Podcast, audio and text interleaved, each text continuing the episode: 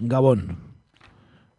Pasaden astean, gazteizko legebiltzarrean, segurtasun indarren gehiagikeriek eragindako biktimen legearen arira sortutako liskarrak zer esan asko eman du.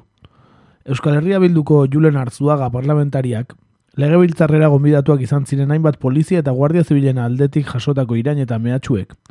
Ez da oztopatu eta bertan aspaldian emandako egoera tirabiratxuena utzi zigun. Segurtasun indarrek gure herrian urte luzez mantendu eta mantentzen duten impunitatea den adierazpen grafiko garbia izan zen bertan gertatutakoa. Alegoria moduko bat. Legebiltzar horretan, Euskal Herriko gatazkak amarkadatan utzitakoaren kontakizuna egiteko saiakera ematen ari den gara hauetan, badirudi historikoki Euskal Alderdien gehiengoak onartutako hainbat aurre baldintzek ezarri dutela zoru etikoa deritzoten hori. Errealitatea ordea, ez dator, bat, ez dator bat biktima guztien aitortza eta haientzako justizia eta erreparazio asmoekin. Alde bateko biktimek aitortza politikoa, instituzionala eta ekonomikoa izan duten bitartean, beste askori kriminalizazioa eta haien oroimen eskubilaren ukazioa besterik etzai eskaini. Eta bai, 2000 eta emeretzian, biktimen sailkatze interesatuak bere bidea maite zeina jarraitzen du. Haietako asko, betirako bide bazterrean utziz, gertatutakoaren osotasuna urrutitik ere jasotzen ez duen kontako izun bat nagusitzen ari den bitartean. Gaur eta hemen, estatuaren biktima askoren oroitza bera delitua da. Haien oroimenean jarritako elementu ezberdinak erretiratu egiten dira. Haien aldeko oroimene ekintza publikoak debekatuak daude. Eta haien senitartekoak ahazturaren ostrazismoak ezarritako kondena bat bete beharko dute. Ikuspegi alderdiko eta interesatuetatik aratago, norberaren biktimen balioa erabat gutxietxi da azken urte hauetan. Gatazka baten ondorioz alde batek bidean galdutakoekiko duen oroimen humano eta politikoa, era guztiz naturalean jorratu beharrean, beste hainbat faktore nagusitu dira. Tartean, kontrako aldeak galdi, galdu dituenei errespetua. Alde bateko biktima komentzea ezin da beste aldeen aldean eroiritakoi errespetu falta moduan hartu. Gatazka beren berean hildakoak baitira guztiak. Akaso norbaitek pentsa dezake Irakeko Abu Ghraibeko espetxean tortura jasan zituen zituztenen errekonozimentua estatu batuar soldaduei irain egitea dela? Akaso norbaitek pentsa dezake Ego Afrikan eraildako anti-apartheid militantea komentzea supremazistei irain egitea dela? Akaso norbaitek pentsa dezake martxoaren iruan gazteizen eragildako eraildakoa komentzea Manuel Fraga iribarne iraintzea dela? Errekonozimentu gabeko biktimen aferak etorkizun beltzan du dagoeneko eraikitzen ari den gatazkaren kontakizunari erreparatzen badiogu. Dena den, alderdi politikoek ez, ez dirudite eragile egoki eta neutralenak gure historia idazteko. Haien atzean interes alderdikoien itzala izango baitute beti. Hau dela eta gaur biktima batzuk aldarrikatzen dituztenak, bihar biktima horien oroimena galarazten dutenak sostengatzen ikus ditzakegu. Hemen hasten da, gaur egur. Guten Tag, meine Damen und Herren. C'est la lutte contre le terrorisme. Katea ez da eten. Agirre, garaikoetxea, Gaur egur. Gaur egur. Gaur egur. Jolasten eta enredando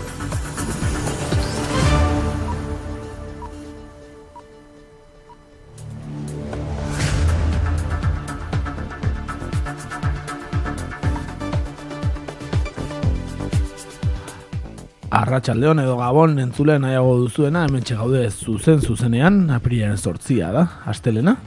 Eta hemen gaude gaur e, kakaintzonako estudioetan, fin-fin, irukideok, eta ba, hartuko ditugun bi asteko porren aurreko azken irratsaio honetan, gero aste santuetan, ba, katoliko bezala, ba, bi aste hartzen bai ditugu. Bai, kaixo, gabon guztioi, eta bai, esan bezala, oso sinistuna gea, eta eta bi aste txoiek hartuko ditugu, bai. Bai, bai, fedea, fedea. Kaixo, gabon den hori. Bai, bueno, gaur egun arraro izan dugu gure herrian, Euskal Herriko itzulia, txirrindula eta itzulia hasi bai da hemen, eta, bueno, nahiko, bueno, kaleak itxita, eta jendetza, eta denetik izan dugu, eh? Beraz, gure zumarrako alkate jauna pozik egongo da, hauteskundeen atarian eh, egin duen eh, ba, ekitaldi jendetsu honegatik, ez da? Bai, ipurdiari gaseosa dariola egongo da gorko. Bai, bai, hor joan kotxean eta kabitu ezin da seguruenik. Beno, e, biktimen erreparazioaz eta biktimez aritu gara, ba, gaurkoan ere, ba, ba, bueno, efemeride bat dakarkigu, ezta? Eta biktima batei buruz hitz egingo dugu, Euskal Herriko, ba, bueno, eraildako pertsona bat, ba, desagertua, edo, bueno, e, era arraroan hildakoa eta argitu ez den eh, kasu bat, ekarriko dugu onera, baina hori dena bertan gaurren izango da, beraz, guazen hortala.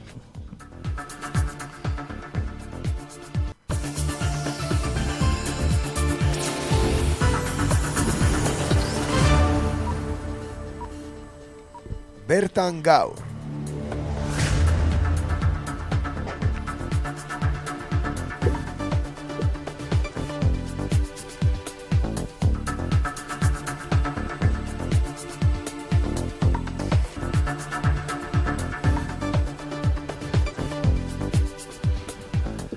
Beno, ba hori xe, esan bezala e, ba, hildako bat, dakarkigu ez da, orain hogeita bi urte aste honetan, aurreko astean, barkatu, e, hogeita bi urte bete ziren, Josu Zabala, e, ez izenez, ba, jaun bezala, e, ezaguna, ba, hilik agertu zela, ez? Etako kidea zen, eta debako mendata gainean topatu zuten hilik, bertsio ofizialak dio bere buruaz beste egin zuela, baina etak Espainiako segurtasun indarrei egotzi zien hilketa ja orain dela hogeita bi urte. Josu Zabala salegi, basa jaun ez izen ez ezaguna, ba, iruña razen, mila batzun da iruro eta masaian jaio zen, eta etako milat, militantea izan zen. Mila batzun da laro mazazki, piko martxoren hori zazpian, gipuzkoan agertu zen hilik, esan bezala, debako mendata gainean.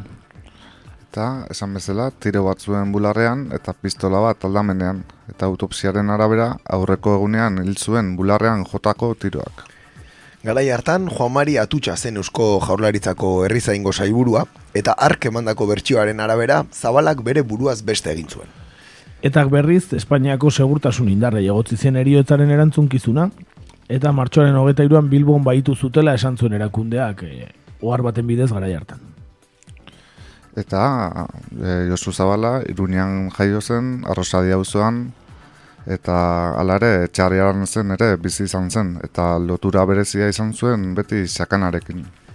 Ubiko ikasketak egin eta gero, Euskaraz alfabetatu eta aekako irakasle egin zen. Aekako mendigo izale taldea ere berak sortu zuen. Horti dator, ba, basa jaun ez izena, e, naturarekin lotura estua zuelako eta basoko itxura hartzen ziotelako. Ez, ba, ora, luze eta bizarrak eta zituelako, ez da? Eta Iruñeko zaldiko maldiko elkarteko kidere izan zen, eta Iruñeko alde zarreko Iruñazar ikastetxeko ardurana, arduraduna ere izan zen, ez? E, ies egin zuenean.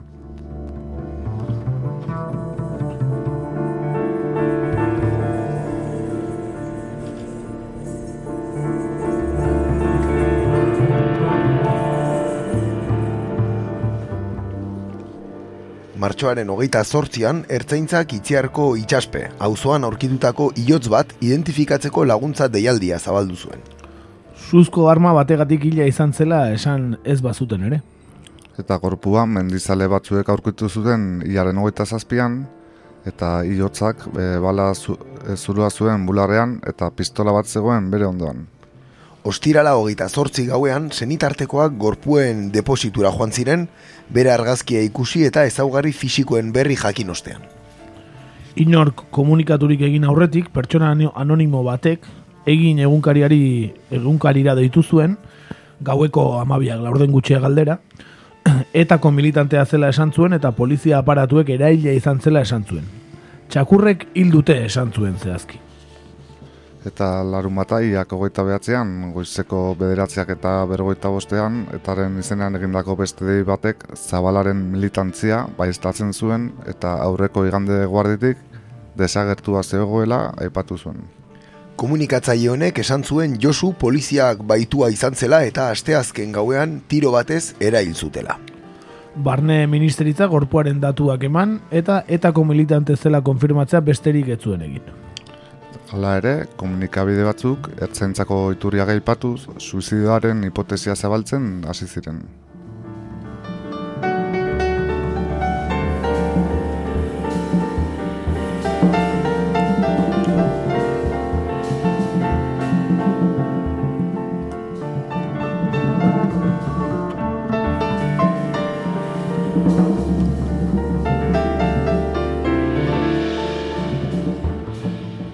Gertatutakoaren arira, bi bertsio egon ziren, alde batetik Juan Mari Atutxak, emandako bertsio ofizialaren arabera, bere buruaz beste egin zuela esan zuen, baina bere familiarrek bertsio horretan kontraesan ugari azpimarratu, eta gerra zikinaren ekintza izan zela aldarrikatu dute behin eta berriro. Entzun dezagun, e, e, basa jaunen ama, ez? E, Josu Zabalaren ama, e, ba, gure herritarra den gotzon aranburu kazetariak orain e, pare bat urte egindako bideo elkarrizketa batetik hartutako kortean. Hemen txe, basa jaunen ama. Nik ez dute inoiz dudeikin eta gero guk niko alegin dugea bere pausuan nundi noa juntzien. E, e, Frantziteko iparraldetik etorri zan azkeo, beti pentsau izen gendun, e, honea etorri ziela e, zerbait eta eta e, bueno, Bilbon e, gertau zienetik, ba, e, beti hon izen geha bere pausu segitzen nundik eta noa, zein egunetan nun eontzian, geho bere lagunak ere bai deklarazio batzuk entzituzten, eta deklarazioien arabera, ba, ikusi gendun, ba, Josuk bere lan bat utzita eta bere lagunak utzita etzala inoagun ber. Egon dien pruebaz aparte, beti sinistu izen deu, Josu, korrikan azkeneko egunean, han harrapatu zutela. Guk ez deudu sekula, ba, Josu etzala suizidau baina.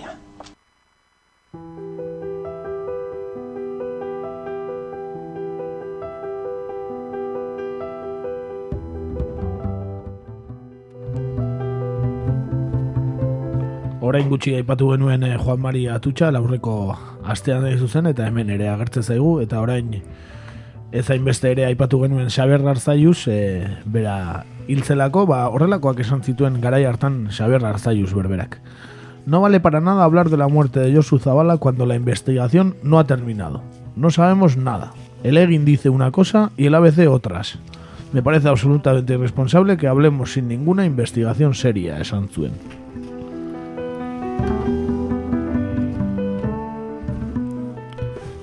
Juan Maria Tutxak ere e, ondorengo hau esan zuen.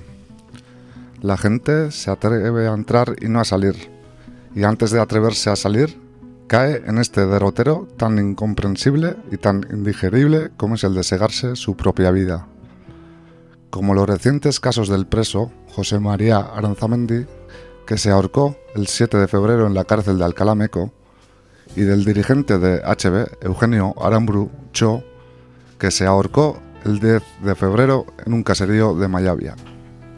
Horrelakoak esan zituzten Xaber Arzaizuek eta Atutxak, ba, hori, e, buruaz beste egintearen teoriari indarra emanez, ezta?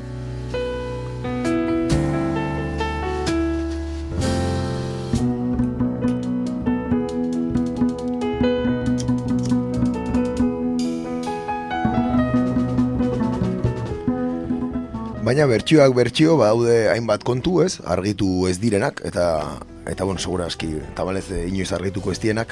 Bertsio ofiziala kolokan jartzen dituzten eh, datu ugari, aipatu dituzte familikoek.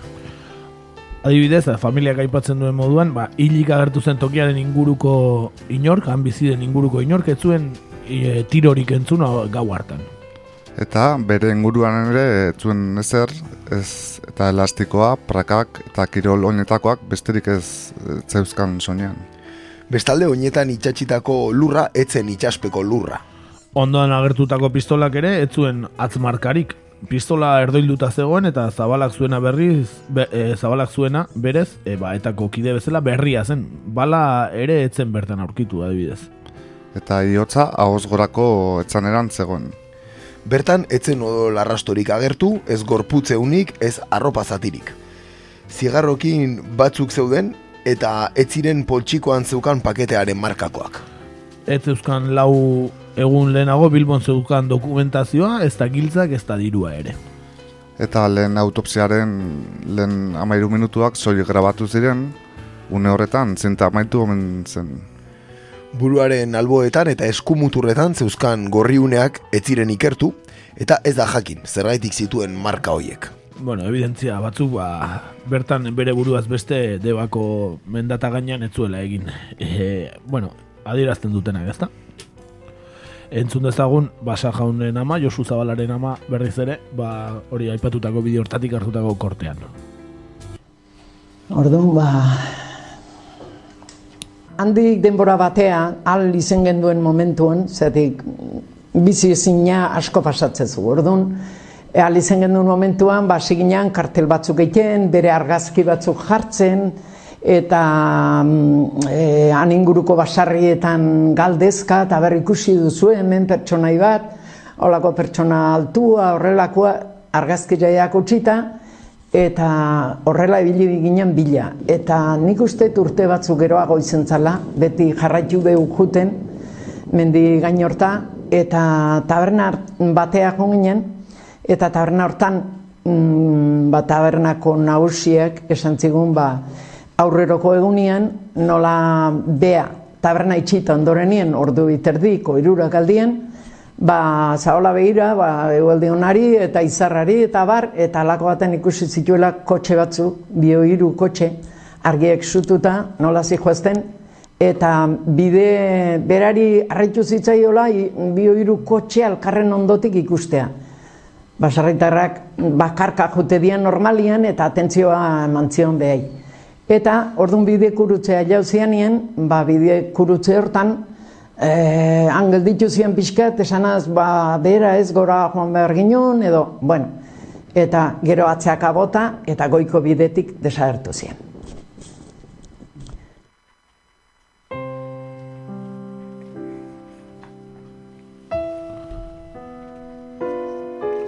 Beno, oraindik datu gehiago eman dizkigu bere amak, ez da nola hortik urtetara, ba, bertako bizilagun batek eh, esan zion, ba, hiru kotxe ikusi zituela gau hartan.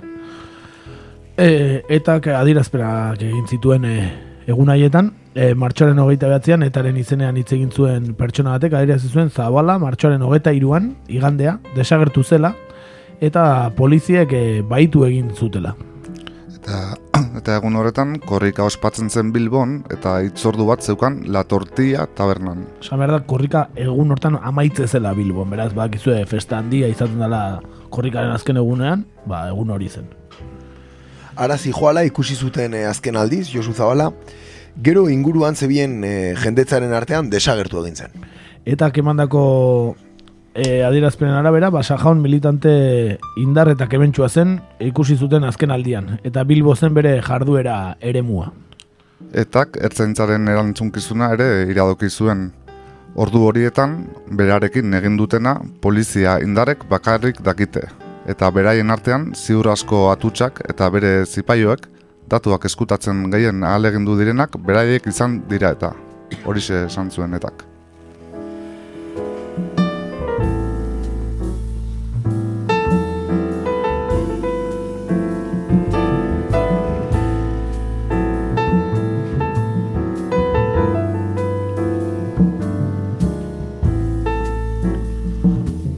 nahiko evidentzia bere buruaz beste eman ez zuela, e, bueno, ondorio estatzeko, ezta? Egia esan. Bai, E, Desde luego elementu asko daude ez, eh, ez baian jartzen dutena bertxio ofiziala, are eta gehiago, eh, norbaitek ez, erail baldin mazuen, eh, txapuza desente eta hitz egiten eh, ari ala pentsatzen dut, ez? Bai, bai, eta gero area eraman, e, han ez dago ez odola arrastorik, ez han, han gertatu denaren e, itxurarik, ez pistola bera ere ez da hori.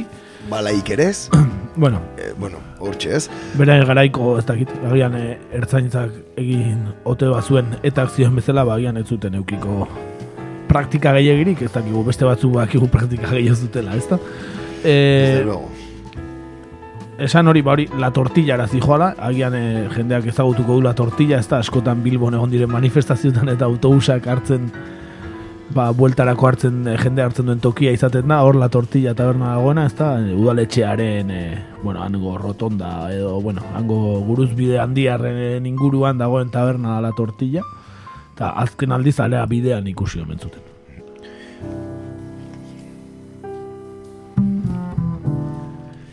E, bueno, epaitegietan ere bere ibilbidea, ez, eduki zuen e, Josu Zabalaren eriotzak, eta ekainaren zazpian Eibarko epaitegiak eskatutako peritu txosten baten ondorioz, jakintzen Zabalaren ondoan aurkitutako pistolan etzegoela eunik ez odol arrastorik ere. ez.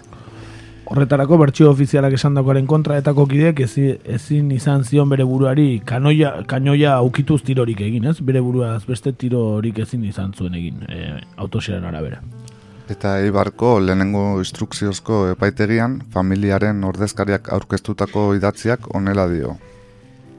A la vista del resultado ofrecido por las pruebas practicadas durante la instrucción de esta causa, consideramos que la muerte de Josu Zabala Salegui fue cometida por terceras personas, hechos que pueden constituir un delito de homicidio o asesinato. Los autores de esta muerte permanecen por el momento desconocidos. Honela jarraitzen. El señor Zabala era miembro de ETA, policialmente conocido como ilegal, es decir, fichado conocido por la policía. Su llegada a Bilbao junto a su compañero Iñaki Bilbao, Gaubeca, se había producido el mes anterior a ocurrir estos hechos. Tiempo durante el cual había logrado establecer una red de colaboradores y pisos de apoyo donde alojarse. La última persona que vio con vida al señor Zabala fue su compañero Iñaki Bilbao el domingo 23 de marzo de 1997 al mediodía cuando ambos acudieron a una cita en un bar situado junto al Ayuntamiento de Bilbao para encontrarse con otro miembro de su organización. Eta hoxe bera baina datu gehiagorekin esaten digu orain honetan Josu Zabalaren arrebak hau ere gotzon aranburuk egindako elkarrizketatik hartutako kortea. Entzun dezagun. Gai jastezian Plaza Elgaz zanetik, porque indiferente do, baina bueno, aldapa batetik, e, tortilla taberna. Ta hor zeon eh, marabunta handizia, porque korrikan azkeneko eguna zan, ta momentu baten e, Josu juntzan jasten, porque bea jun bertzun kontaktu horrena, ta e, Iñakik egin bertzitun e, vigilantzi lanak, o, bueno, seitun kontura uzanan movimentu raru zaurela, eta orduan hasi izan pixka bueltaka, e, ta e, handik be, e, zehaztu zaninan polizia zola, ozeo ze zola, juntzan Josukin lehenago gelditutako e, puntu batera, pis- piso batera. Area e, etzan Josu agertu, beste puntu baten, biharren puntu baten geldiuta zauren eta are-are agertu zen eta Iñaki eta Josu etzan agertu. Gero entera uzan e, tortilla tabernako kontaktua antzola etzula behin Josu e, tabernan sartzen ikusten, hau da, tarte horretan, aldapa eta taberna horren tartian, ez dakit zenbat metro egongo ia, baino metro dia, ez da asko, hor Josu desagertzen zan, korrikan azkeneko egun nin, eta hurrengo notizia izan zan, hoeta zazpizan, e, mendizale batzu punta mendatan, pues, bilboti larogei kilometrota, agertu zala, e, biotzan tiro bat zaukala.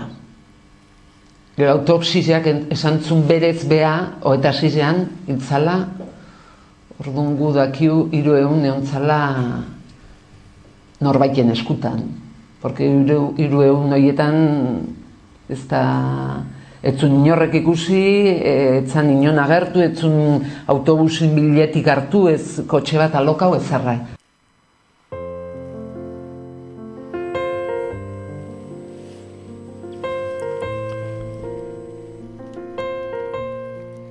zerra. Eipatutako taberna La Tortilla da, eta gertatuak Iñaki Bilbauk atxilotu ondoren, mila bederatzireun da laragoita mezortziko ekainean, ertzaintzadei esandakoak.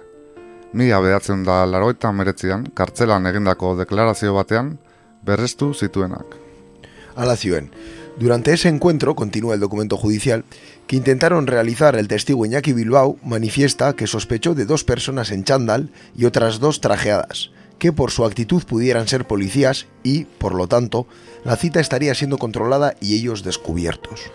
Aipatu bezala Josu zita lotua zuen tabernara joan zen eguerdiko amabitan, egun hartan e, jende asko zebilen, esan dugun bezala korrikaren amaiera bertatik pasatzen zelako, eta parte, eta urte hortan ba, Bilbon bukatzen zelako, orduan egun handia zen korrikaren inguruan e, Bilboko parte zarrean. Bai, eta audioan entzun dugun bezala, Iñakik zenketa lanak egiten zituen bertan, eta ez zuen Josu gehiago ikusi. Eta diligentzien arabera, Josuren zain, la tortillan zegoen persona a- agertu zen zitara, e, agertu bazen ere ez zuen ikusi ez. Ez, ez Iñaki Bilbao ikusi zuen, baina besteak ez. E, Gazitara hartu zen besteak ez. Entzun dezagun, e, ba, arrebaren beste zati bat, esanez, ba, Josuk bazituela kontaktuak e, Bilbon, e, ba, zeo zer gertatuta ere, ba, zuzkala iesbideak edo, eza? esan dezagun. Bere kidiak ziurtatzeu Josuk kontaktu zeuzkala, e, pisun elbidi zeuzkala giltzak, dirua, dokumentazioa, be, bekabuz e, ibili ali izango zen, baina etzan ibili, desagertu intzan. Hori ikusitagu arki daukagu, vamos, norbaitek ira- eraitzula.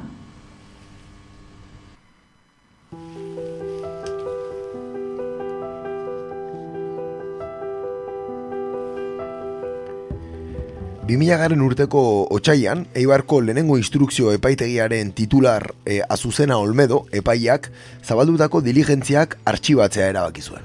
Zabalaren familiarrek errekurtso aurkeztu zuten e, giza eskubideen Europako auzitegian, Eta honen arabera, egindako autopsiak eta azterketa mediko legalak nahikoak izan ziren. pentsa, artxibatu da, beraz, eh? dana, dana zuzen eginda eta inungo erroreri gabe eta argi dago, eh? Gure buruaz beste egin zuela epaileen arabera, epaitegin arabera.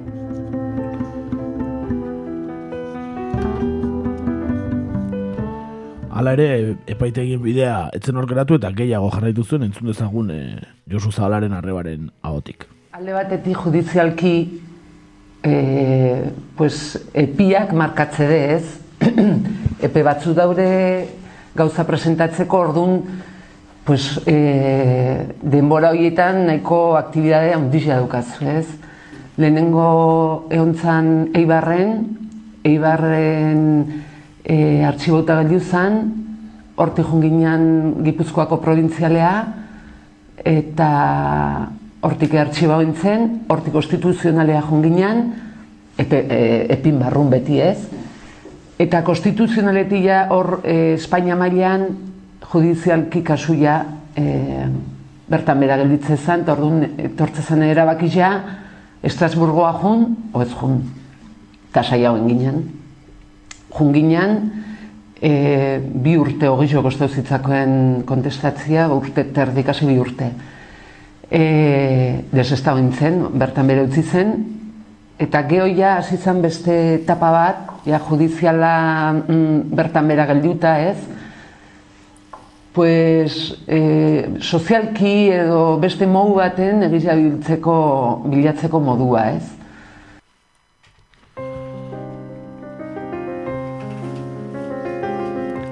Beno, ba, 2002ko memorian, hauzitegin e, konstituzionalak honela ebatzi zuen, e, ba, begiratzeko, ba, irakurriko dugu, ba, karpetazo kasu bati nola ematen dioten ainerrez, ez? Ba, horrela esan zuten. La demandante es la madre de Josu Zabala, miembro de la banda terrorista ETA, que apareció muerto en un monte en Deva. Acudió a Estrasburgo quejándose del proceso interno, cuyas lagunas, según la demandante, impidieron probar la participación de un tercero en la muerte.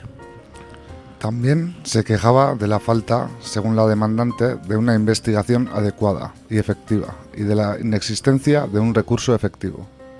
El tribunal rechaza las quejas sobre los artículos 6 y 13 por incompatibles ratione materiae.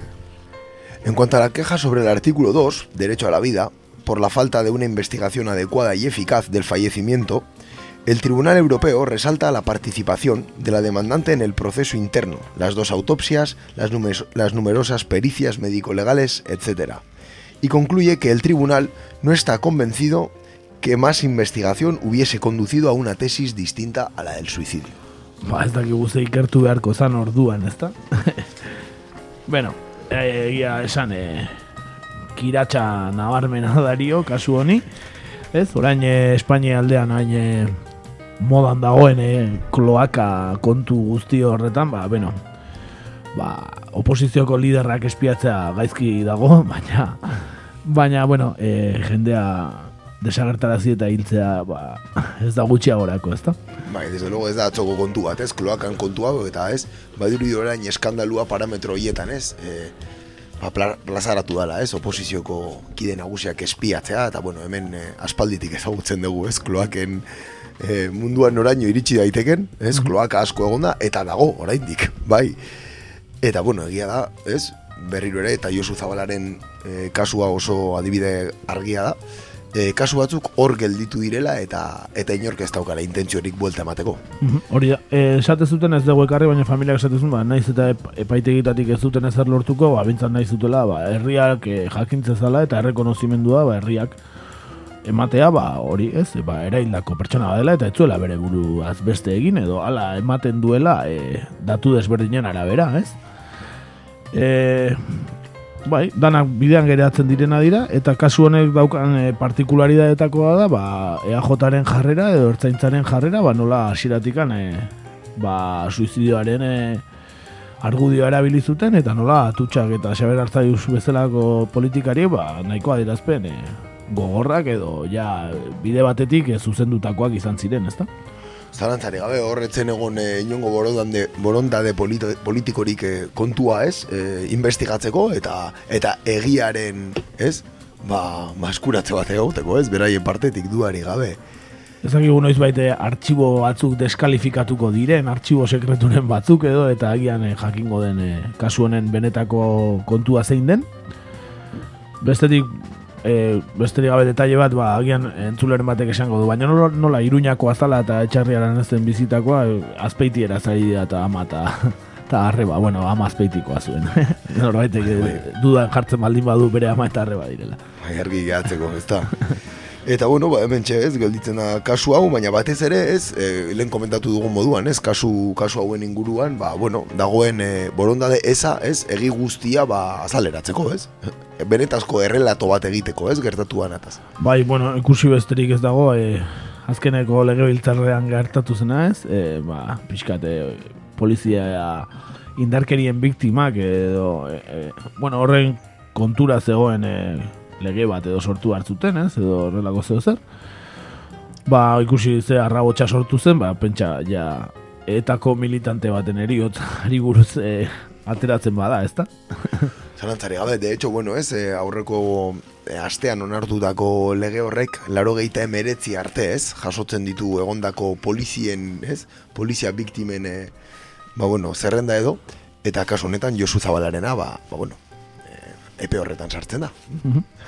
Lege horretan, obviamente, ez dago, ez dago inkluituta noski. Ba, bai, noski. Bueno, ba, hori, errelatoaren e, garai hauetan, ba, ba, errelato asko geratzen ari direla bidean, ez, argi eta garbi.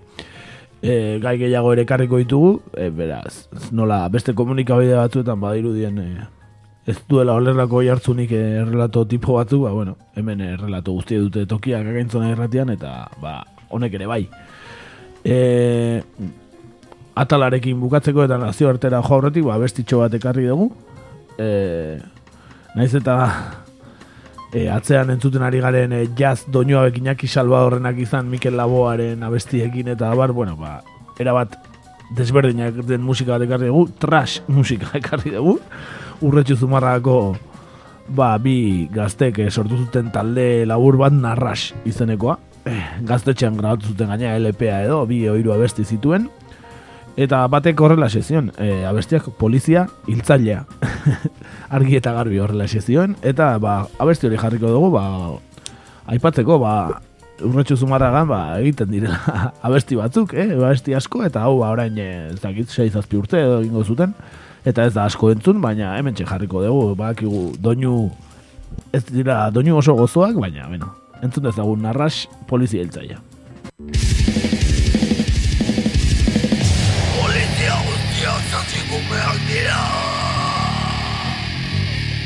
Zuen hauan, ogibide hitzak ez zuzen zurik Zintut zuei jaten eman behar izatea onartu. Norkulertu azaltzen ez dena Kaltetu gaberantzun, horixe da dena. Polizia, elzaiera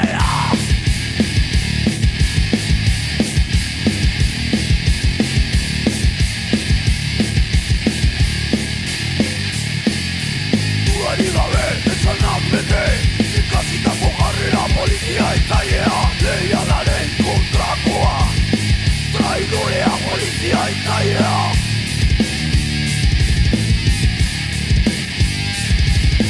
Nertiko nahi zekula jarri Agentearen zongian Inoizen baitu txaluko Nere du iztasuna Lepotik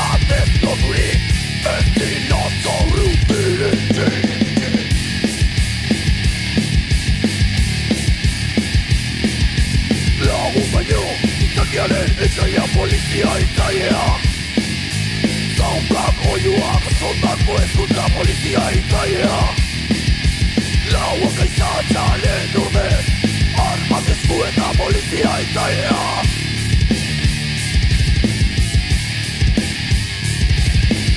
Ez ditzen jaio Zaptikume izateko Ez dut ere bizitza Zaborretara boteko Ez dut ere bizitza Zaborretara boteko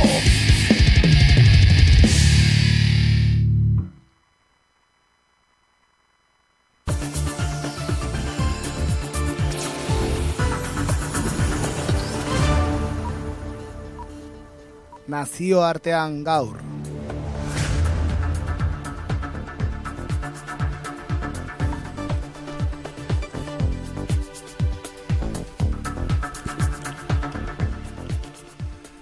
Bueno, e, gaur nazioartean Balkanetara joko dugu, e, Jugoslavia izan zenaren ingurura, eta ba, da, e, gaurko eguna aukeratu dugu orain hogei urte bete bai dira NATOk e, Serbia bombardeatu zuenetik. Eta e, zehazki, operazion fuerza aliada izenez, ezaguna izan zen operazio ze e, NATOk egiten zuen bigarren operazioa izan zen, eta famatu izan zen, zatik e, barku batzuetatik e, misiak jaurti zituzten Italiatik e, Sarajebora, ez? hainbat eta hainbat bi- biktima zibil eraginez. Eta bueno, aitzaki horrekin, ba, esan bezala, Jugoslaviari buruz itzengo dugu. Natoren bakearen soldaduak, ez da?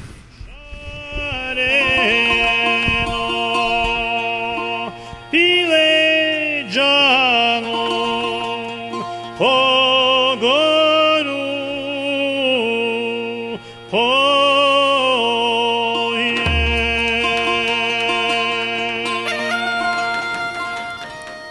Eta pizkatez, e, kontestun jartzeko eta hori, e, aipatu behar dugu e, Balkanak zer izan dienez, eta, bueno, oen dela egun urte arte, ba, urazion, inguru urazion bi imperio arten banatu da, ez? Garai hartan Europan zeren bi imperio handi horien artean, bai imperio otomandarrak hartzen zuen zati bat, eta imperio austro-hungariarrak hartzen zuen beste zati bat. Eta, bueno, e, lehenengo gerrate mundua, mundiala amaitu ondoren indako hitzarmenen arabera ja imperioak desegin zirenez, ba, sortu zen estatuetako bat e, Jugoslavia izan zen.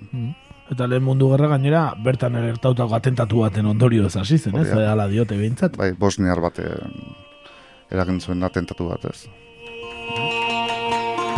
Pojeđanom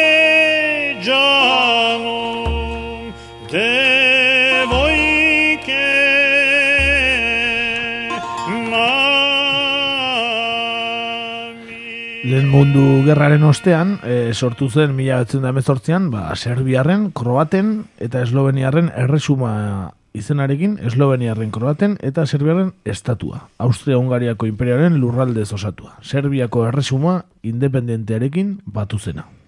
Eta Serbia errege etxean agintzen zuen Karador Bezik etxea bilakatu zen Jugoslaviako lehen errege dinastia. Mila bederatzireun da hogeita biko ustaiaren amairuan, Parisen ospatu zen enbaixadoren konferentzian nazioarteko onarpena jaso zuen estatua. Herrialdaren izena hegoaldeko Eslavia Eslaviarrei zortzaile. Mendeetako mendeetan zehar Otomandar imperioaren eta Austria-Hungaren esku egon ziren lurralde banatuak batu zituen lehen estatua izan zen. Eta mila bederatzireun da hori- hogeita behatziko urriaren iruan e, izena Jugoslaviako erresumara aldatu zitzaion.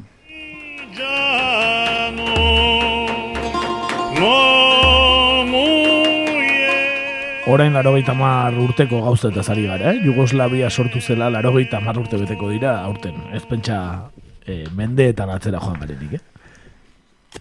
Eta ze ibilbidea, ez da? Bai, bai, bai. Historia oparoa dauka, ez, Jugoslaviak, bai. Guazen pixka bat, aztert, aztertzera. Bai, e, bueno, Errepublika Sozialista, ez, eratu zen mila bederatzireun da berrogeita bateko apiriaren seian, e, bigarren mundu gerran ardatzeko potentziek, ba, herrialdea inbaditu zuten aurretik, bai. Mila batzen da berrogeta iruan, Jugoslaviako partisanoek Jugoslavia Federal Demokratikoa aldarrikatu zuten. Eta mila bederatzen da bergoita lauan, erregeak partizanoen gobernua legitimoki onartu zuen, eta mila bederatzen da bergoita bosteko azaroan monarkia ez estatu zuten. Eta bergoita zeian, Jugoslaviako herri errepublika federala sortu zen, gobernu komunista batekin, eta Tito handia lider bezala.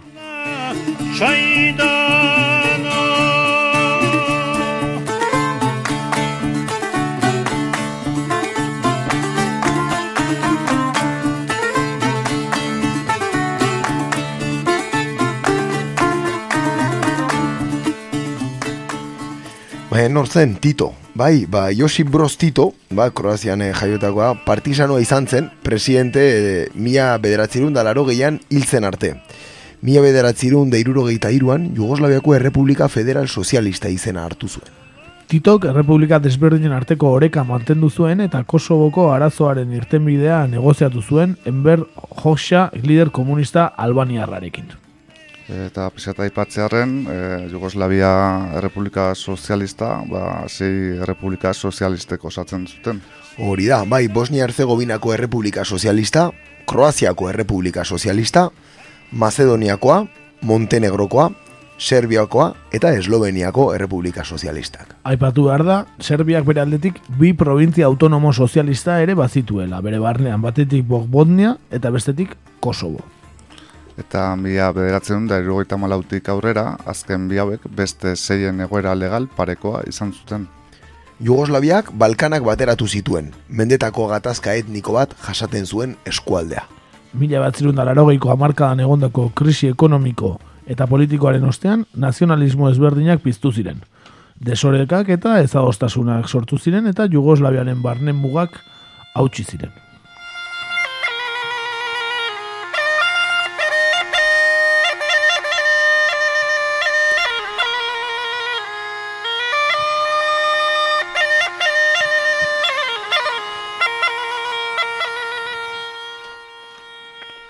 Ez, taban pixkate aipatu dugu nola bizizien herrialde etnia desberdinak ez, nire txikian. Eta aipatu dugu adibidez ez, e, Kosovo eta beste botbodika izeneko e, provintzia autonomo bat, o, erakunde autonomo bat zaukatela.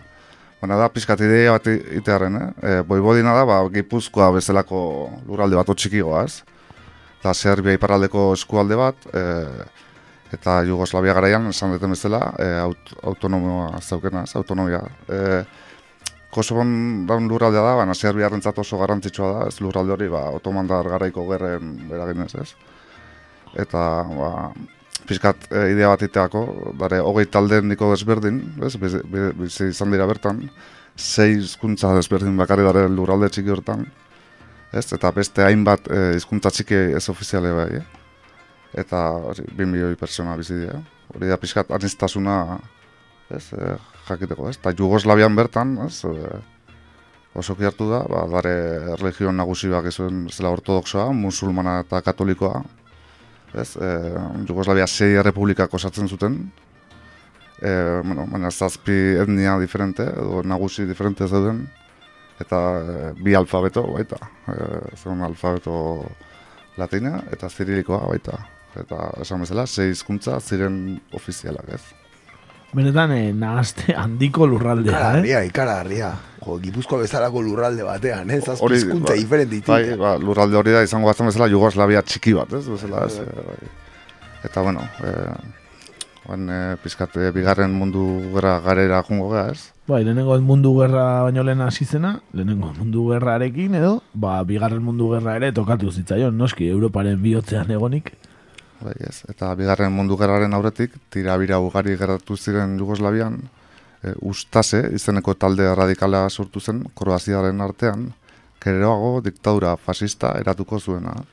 Bai, ezin daztu Kroazia naziekin lerrokatu zela mundu gerran, gainera milizia oso fanatikoak izan ziren Kroaziar naziak. Bigarren mundu gerran nahigabeak lehertu ziren, eta ardatzak, naziak, egungo Kroazian eta Bosnia Herzegovinan haien mendeko estatu bat eratu zuten. Eta ustase, Kroaziako estatu horren buru jarrita, ekin zioten Serbiaren kontrako kanpaina bati. Serbiarrak hil, kanporatu edo asimilatu egin zituzten. Estimatzen da, irureun da hogeita mar mila eta irureun da larogeita mar mila bitarteko Serbiar hil zituztela Kroazian eta Bosnian urte haietan. Eta aipatu, bai Bosnia eta bai Kroazia Hitlerren ejekoak zirela. Eta esan, lehen esan bezala, ba oso aliatu fanatikoak.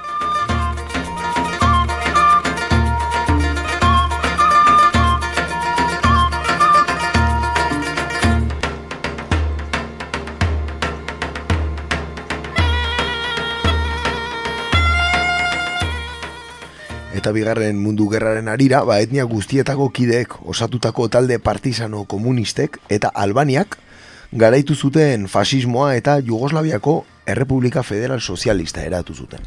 Estatu federala zen arren, artean tirabirak zeuden federalisten, ba, bat, alde batetik Kroaziarrak eta Esloveniarrak zoren batez ere, federalisten artean, eta zentralisten, hauek serbiarrak ziren gehien bat, ba, hoien artean tirabirak izan ziren. Eta mundu gerren ondoren, eta titoren gidaritzepean, Jugoslaviak garapen eta estabilitate politiko, ekonomiko eta soziala izan zuen urte luzeetan. Kulturan, kirolan eta industrian munduko maila honenetan ezarriz. Tito mila bederatzirun da laro gehian hiltzen eta Jugoslaviaren urrezko aroa amaitu zen orduan.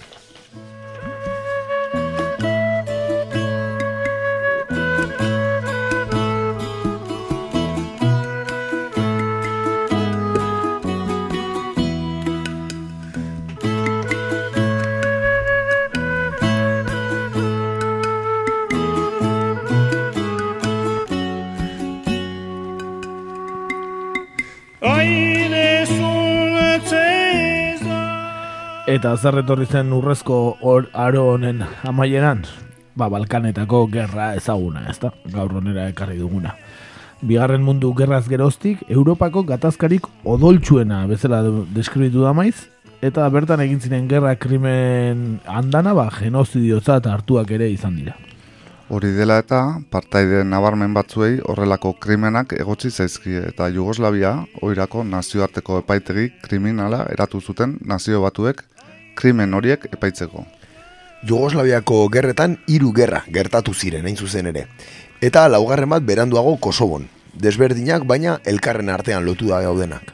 Hauek dira, Esloveniako gerra edo hamar eguneko gerra bezala ezaguna larogeita maikan, Kroaziako independentzia gerra larogeita maika eta larogeita magost artean, Bosniako gerra larogeita mabi eta larogeita magost garren urte artean, eta azkenik Kosoboko gerra larogeita emeretzian. Eta esatearen oroar e, Serbiarrak eta Montenegrotarrak kokatzen dira alde batean eta Kroaziarrak eta Bosniarrak bestean. Eta Eslo, Esloveniarrak ere en txikiagoan. Baina Bosnian ere Kroaziaren eta Bosniaren artean borrokatu ziren. Baita Bosniaren arteko bando desberdinetan ere. Beraz, bueno, ulertzeko zaila egiten da, baina, bueno, ez dela bi bando e, ertxiak ez, ba, danetik zegoen, ez? Esan bezala, ba, lau urtetan, o, hiru gerra desberdin egon ziren, eta gero hortik lau urtetara beste bat. Azpigerrak, ez gerraren barruan azpigerrak, ez? E, kontestu berdinean. E, esan bezala, Kosovoren kasuan, bai, Albaniarrak Serbiarren aurka, bai, e, aritu ziren. Eta ba, gerraren emaitza nagusia zein izan zen, ba, Jugoslaviaren zatiketa, ezta? Eta Eslovenia, Kroazia, Serbia, Montenegro, Macedonia eta Kosovo ba, banatu egin ziren elkarren artetik. Dva bela čadora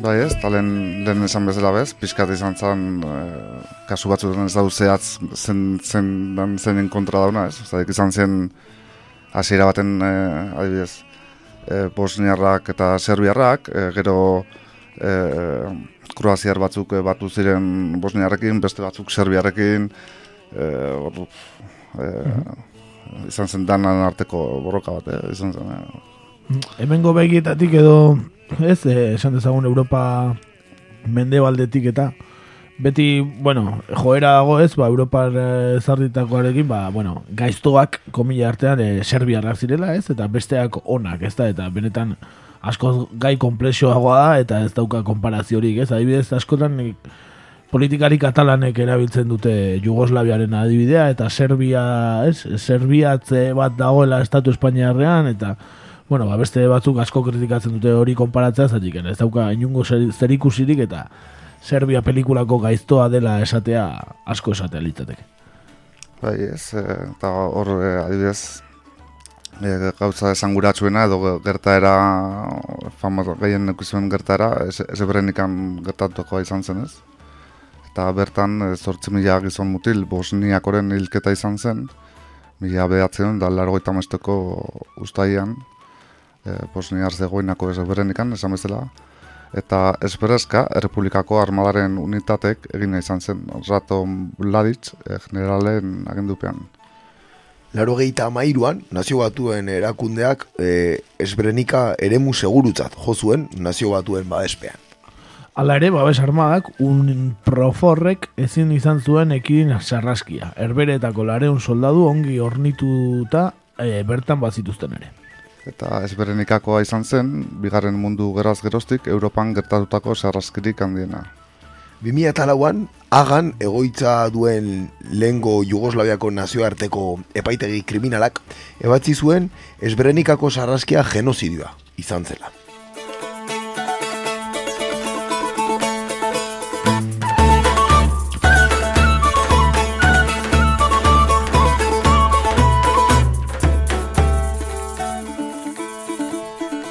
Honek ba, guzti hontan e, paper garrantzitsua izan zuen beste agente baten gana gara matza, ez? Kasu hontan NATO edo onuren paperara, ez da?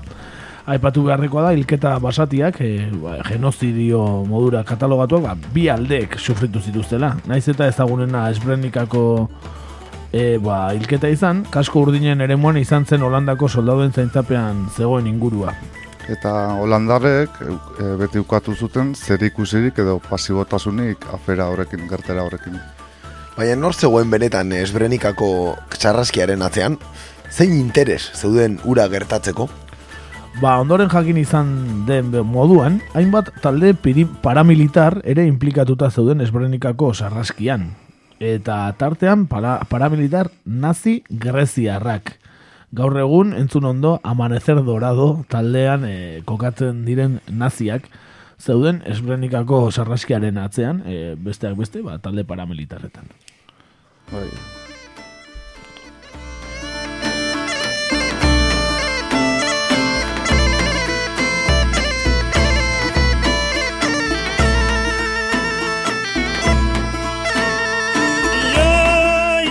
Hala ere, Serbiako agintari ezagunak epaituak izan ziren e, sarraski honegatik, ezta?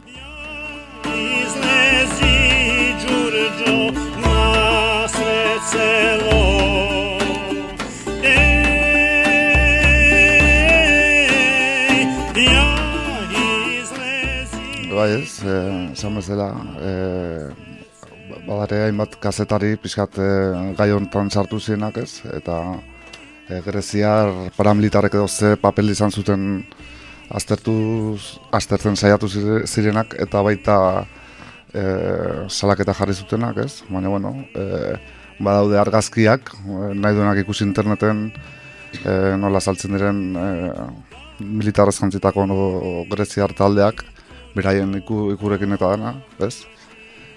Eta badakiten ez, e, garaiaetan, aste haietan, esbrenikan guruan zebiltzala, e, komando hauek, e, inok ezakiz, ze paper zaukaten bertan, baina hainbat aste egin zituztela.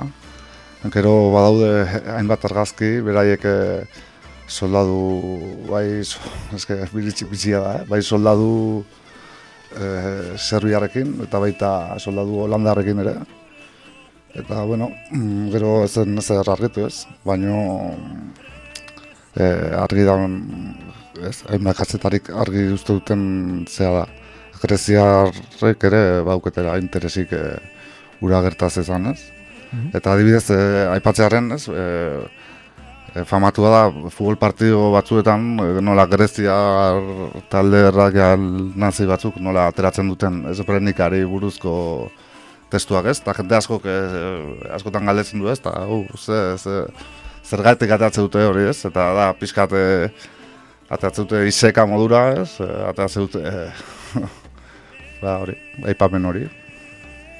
Bai, azkenen ba Greziarrek ere lotura daukate, ez? Hor e, ba kulturala Balkaneekin, ez? Ba Macedoniarekin ba adibidez, ez? Ba historikoki, e, ba lotura handia izan dutelako. Eh, aipatu Sarajevo eta Belgradoko sitioak ere aipatu beharrekoak, ezta? Orain e, hogei urte betetzen direlako.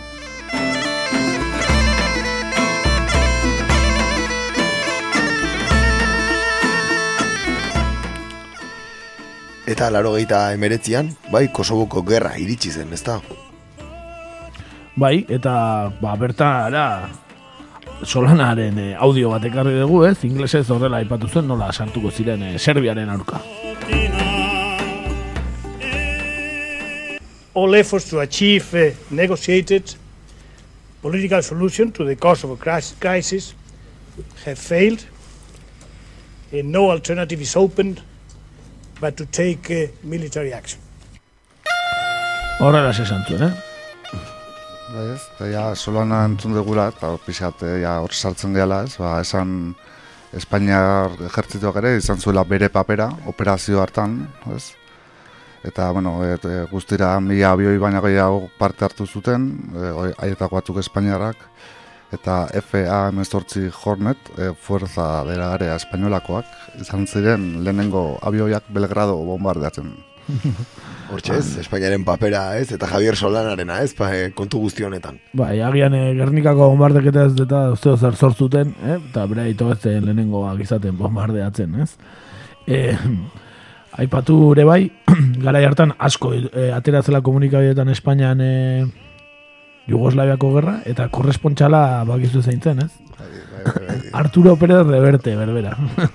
Ia, ia, telebista mi baino gehiagotan kontatu du, ez da? Bai, bai. bai. Baina, Antxe. be- beti tokatzen zitzaion e, lerketaren baten ondoan, edo... Bai, ba, bai, bai. bitxia, bitxia bai, eh? Ez erretzegon preparatuta, eh? Bizitza arriskuan jartzen, konexio oro, eta... Bai, bai, gero gauean whiskiak hartu zotelean, baina baina momentu oro bizitza jokoan.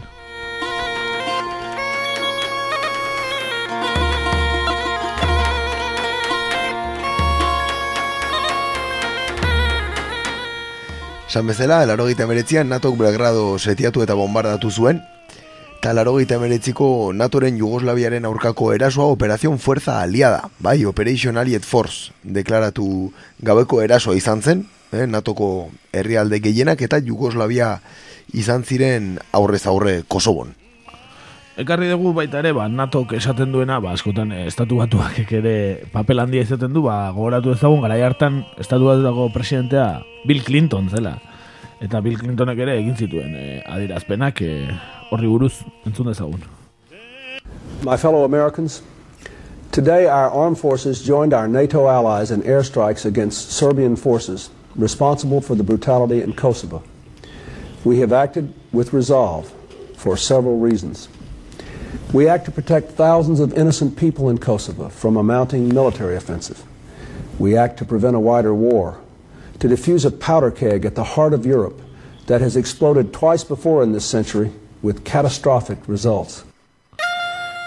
Bueno, entzun dugu, ule- ulertu ez badezue, ba hori, e, ekintza militarrak hartuko zituztela Kosovon, Serbiarren aurka, ba, ba milaka pertsona inozente babesteko, e, Europar bihotzean, ba, badakigulako ze sarraski izan dituen gerrak Europan, ez da? Gutxi gora bera.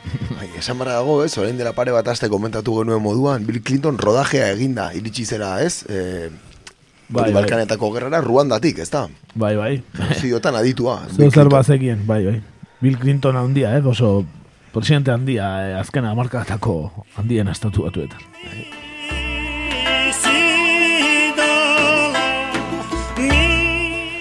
Ba, aipatu erasoak e, mila batzun da laro eta emeretziko martxoaren hogeita lauean hasi eta ekainaren amaikan amaitu zirela. Eta bombardaketa hau, e, NATOren bigarren interbentzioa izan zen, bere zorreratik lehenengoa largoita magostean izan zen, baita Operazion Fuerza Deliberada izenarekin, e, baina handi gertu Bosnian entzu zen. Human Rights Watchek e, bostegun zibien eriotza aipatu zuen. Mila bostun zibil, natoren arabera.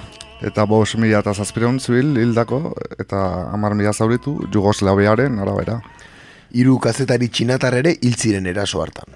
Gerra onuren segurtasun batzordearen oniritzi gabe hasi zuten alde, bakar, alde bakartasunez gainera, eh? beraien protokolak ere ez dituzten Hau jarraitu. klasiko bat bihurtu da, ez da? Bai. Eta hainbat erakunde eta herrialdek gerra krimentzat hartu zuten eraso hura. Noam Chomsky eta John Brickmont intelektualek gogor gaitzetsi zituzten Jugoslaviaren aurkako gerra krimenak. Eta lehen aldiz, NATOk indar militar erabili zuen onuren segurtasun batzurdearen oniritzirik gabe. Bueno, zenbat interes egongo ote ziren horratzean, ezta?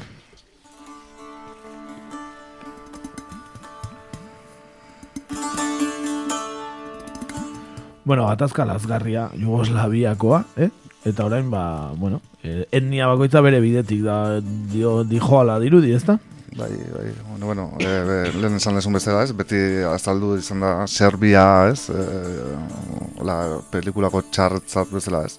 Baina, pixat aipatzearen, laro maikan gerra hasi zanen, ez, e, no, Kroazian gerra hasi zanen, ba, Serbiarek pairatu zutela, ez, e, persekuzio hori, eta, ba, zait, eundakan mila Serbiar e, desplazatu zituzten, eh?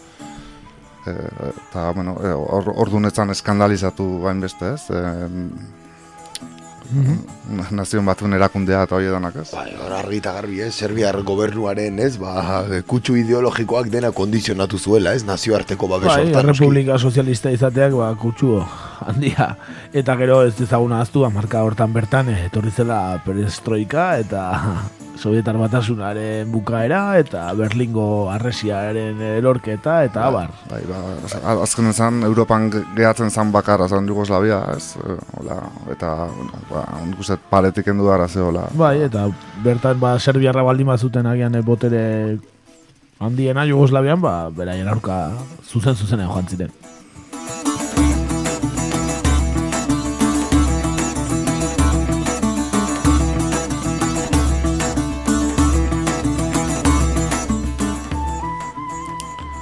Eta pizkat e, kontestuan sartzeko, larogeita marreko iraiaren, iraiaren ondoren tentsioak hasi ziren Kosovoko Albaniar eta Serbiaren artean, Serbiako Errepublika Sozialistak, irurogeita malauko Jugoslaviako konstituzioa abolitu zuenean.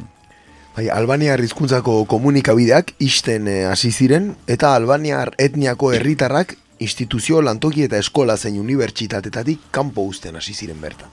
Kosovoko Albaniar irakaslei ere eskolak ematea eragotzi zitzaien eta larogeita maikako ikasturtea etxean hasi zuten Kosovoko Albaniarrek. Eta ondoren etorri ziren Albaniaren erasoak Serbiaren aurka, e, Kosovoren askatasunaren ejertzitoa UCK-aren sorrerarekin. Bien eh, aldeen arteko eraso gogorrak larogeita emezortzi hasieran hasi ziren. Eta larogeita emeretzean rakakeko sarraskiaren berri jakin zen hainbat Albaniar erailda agertu zirenean. Eta martxoaren hogeita iruan, e, Rambuieteko akordioak hautsi ziren eta NATOren interbentzioa eta inposatutako bake planak etorri ziren. Eta ondoren, ba, Solanaren adierazpenak eta Natoren interbentzioa eta Espainiar e, abioien bombardaketak eta abar eta abar. Bai, gero baita ez, e, pizkat e, zua piztu zen edo, edo aitzaki hartu zutena, ez kasu hortan izan zen ras, rakakeko sarraski hori ez, ez da gero, gero jakintzen, ba, pizkat zifrak eta esageratuak izan zirela ez. Eta bueno, bueno, bueno, ja behan duzen baita. Bueno, ja salduta zaukaten eh, saldu beharrekoa komunikabideetan, ezta? Hor ere polemika desente egon zen, ez? Utxekako, ez? E, sorrera horrekin, ez? Eta zeintzuk, ez? E, parte hartzen zuten ba, balizko askapen gerrilla horretan, ez? E, mertzenariotaz hitz egin zen, ez? Mundu osoan, ez? Kontratatutako ba, militar profesionalen, ez? E, kontratazioetaz hitz egin zen, ez? Urte luzez. Bai, jihadistak ere bazeuden, bai, Ja, gogoratu ezagun horri oso, ez? E, papel erabaki izan zuela, Bosnia Herzegovinan zegoen komunitate musulman e, wahabitak, bai? E, behin komentatu genuen moduan, ez? Aurreko denboraldian, nola e, alkaedak adibidez, ez, lehenengo mujaidinen e, kanpamentuak edo entrenamendu kanpoak, ba, Bosnian euki zituzten, eta nola e, Osama Bin Laden berak edo e, Alzarkaui berak, ba, Bosniako nazionalidadea zuten, eh, gobernuak otorgatutakoa. Bai, bai. Eta gogoratu gure bai, e, e, musulman eta zari garela Balkanetan, ba, adibidez, Erdoganek e, mitina bota zuela, ia ez. E, uste, e, Bosnian zala, ez? Bosnian, Uste, baliteke. Bosnian eman zuela hori da, bai, bai, bai, Bo- eh, Bosnian, eh, hor. oan, antxe, mitina eh, Turkiako presidenteak, pentsa, benetan, eh, historia luze eta nahasiko lurraldea du Balkanetakoa, ez da? Bai, oandikan Turkiak eragin handia dauka, eh, inguru hartan, eh, batez ere oandikan adiaz eh, Albanian, adibidez, eragin handia dauka, Kosovo ne bai, eh, Bosnia ere bai, ez, eh, ba, etnikoki musulmanak edo diren lur, lurraldean, izugarrizko eragin dauka, eh, eta esatizut, eh, kriston inbertsioak egite ditu Turkiak bertan, ez, adibidez, eh, mezkitak eraikitzen, eh, e, kultura arloan, eta bai, bai, hor- hortik saiatzen ari da, ez, ba, pixkate bere influentzia, ez, mantentzea. Duari gabe eta hor nahiko bitxia da, ez? Nola aliantzak sortzen diren, e, bueno, interes bera duten herrialdeen artean, ez? Saudi Arabiak ere zein bertso handiak, ez? Egin dituen Kosobon, baina aipatu genuen moduan, ez? E, mezkitatan eta bere, bueno, imanak bertara bidaltzen, ba, bueno, gehien gastatu duen lurraldea Kosobo da, bai, eta extensioan oso herrialde txiki batetaz ari gaitz egiten. Bai, eta ez, aipatzearen hori denek esaten dute, ez, Albar, Albaniar denek esaten dute, ba, iparraldean, Kosovon, ba, e, gertatzen ari den fenomenoa, ba, inor, inoiz gertatu ez den fenomenoa da, ez, ba, erabat e, islamizatzen ari den eremua dela, ez. Eta nahiko ez entzungarrik izan diez, nola e, Siria, bueno, edo Daesheko, ez, ba, balizko kalifato horretan, ez, parte hartu duten atzerritaren, ba, bueno, e, populazioarekin konparatuta kopuru handi bat, bai, e, Kosobotik, e, ba, jundakoak zirela, vamos. Bai, benetan, eske da, daneti dauka, eh, egia esan, eh? Bi- Europaren bihotzean, baita gatazka erligiosoak ere, daneti dago Balkanetan, egia esan. Skršiste.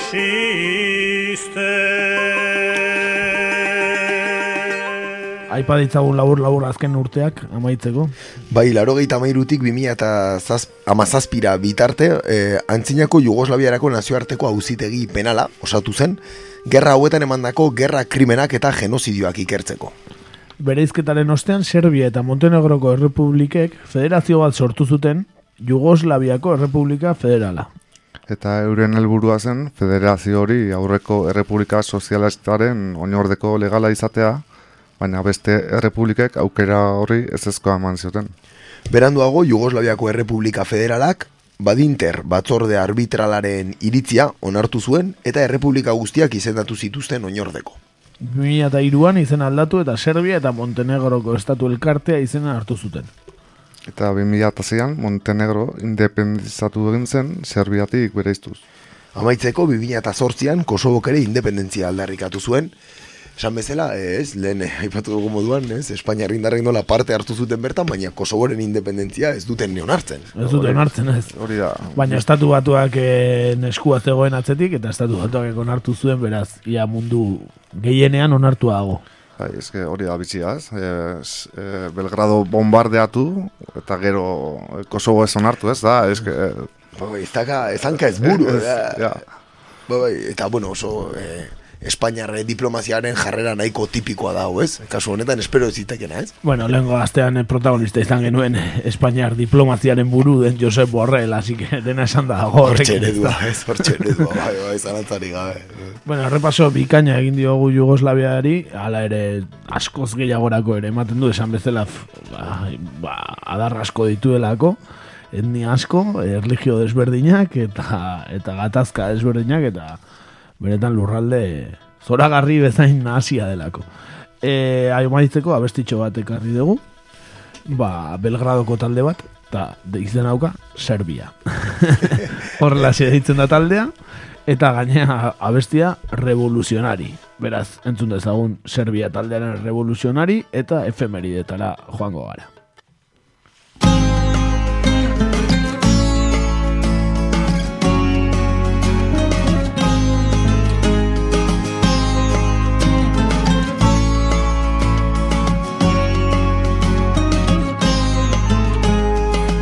Protiv tirana.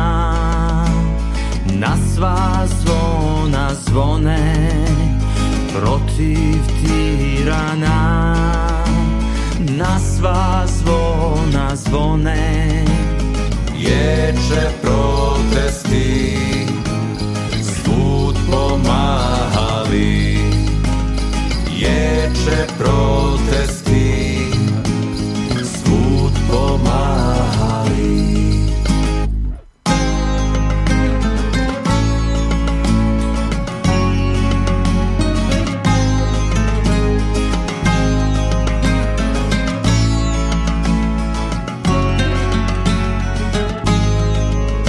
A sutrácejí sami, já a sutra. mi Ja ti one Koje su ti rani Pre njih jahavi Koje su ti rani Pre njih jahavi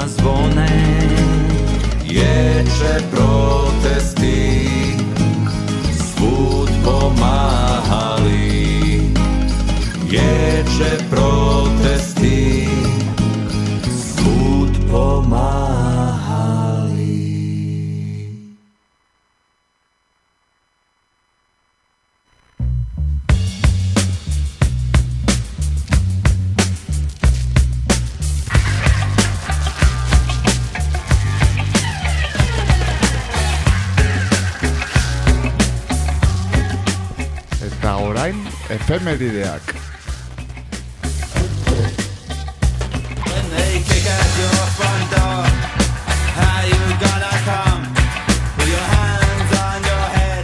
Efemeride bete-beteak, gainera.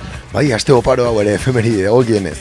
E, apiriaren sortzean, baina mila bederatzirun da iruro geita maikan, bai, Rom herriaren lehen mundu kongresua, hasten da Londresen.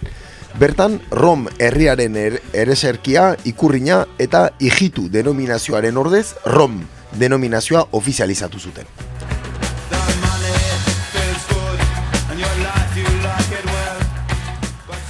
Gaurko egunez, zorain hogeta bost urte hiltzen eh, Nirbanako abeslaria zen Kurt Cobain eta gorpua atzeman zuten bere Seattleko etxean. Hau ere, hogeta zazpiko klubeara eh, batu zen, ezta? Hogeta zazpi urterekin hilda.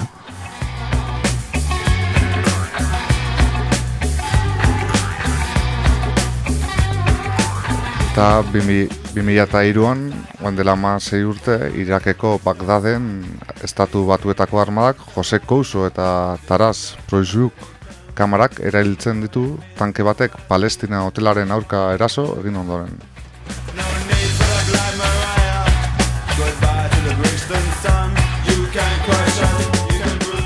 Eta gaur eh, dela urtebete Luis Ignacio Lula da Silva, Brasilgo lendakari hoia, Kuritibako espetxean preso sartu zuten ezarritako amabi urteko kondena betetzeko.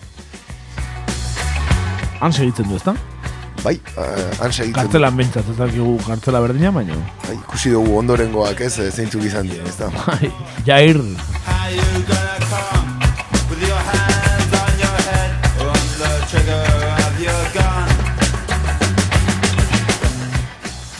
Eta bihar beteko dira hogeita hamabost urte, herbeeretako agan, Nikaraguako gobernu sozialistak kontrari emandako laguntza ekonomiko eta logistikoa dela eta estatu batuen aurkako salaketa ezartzen zuen, esarri zuenetik. Nazio batuen erakundearen nazioarteko epaitegian. Honen ondorioz, estatu batuek amazazpi mila milioi dolar ordaindu behar izan zituzten eragindako hogeita emezortzi mila biktima zigilegatik Nikaraguan. Mila atzen dara hogeita amabian, e, Frente Sandinista de Liberación Nazionalen oposizioak, Violeta Chamorrok presidenteak zorrorik kitatu egin zien estatu batuei, kasualitatea. Eh? Ba, bihar, apirila bederatzi, hogeita urte beteko dira. Eta, eta aprilaren amarrean, baina mila zortzireun da largoita mabian, e, ondela ondagoita zazpi urte, Kuban Jose Marti, Kubako alderdi iraultzaia sortu zuen. Eta aste azkenean, eun urte, beteko dira Mexikon bertako iraultzako buruzagietako bat, izan zen Emiliano Zapata, eraia izan zela. Que viva Zapata, eh? Zin mismo. Eta laro gaita emezortzean, aprila amarrean, e, Belfasten Austrial Santuko akordioak sinatu ziren, eh? Hogeita bat urte. Bai, eh? Oraindik ez da konponduangoa ere, ez? Hala ere. Han, Aian Pasley eta horrelakoekin, eh? How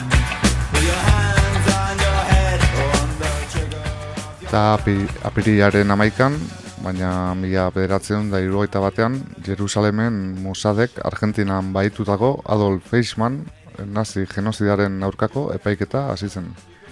Apiriaren amaikan ere, mila bederatzerun da irurogeita sortzian, Berlinen, ikasle alemaniar batek Rudi Duske, soziologo eta pentsalari marxista erail zuen.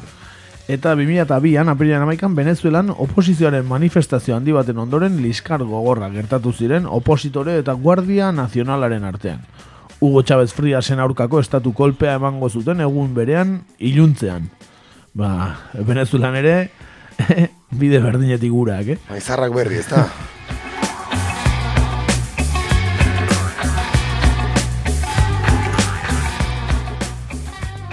Eta apirilaren amabian, baina mila bederatzen da irugaita batean, Juri Gagarin kosmonautak e, bostok bat estaziontzian egindako galdiaren ondoren, kanpo espaziora bidaiatu zuen lehen persona bihurtu zen.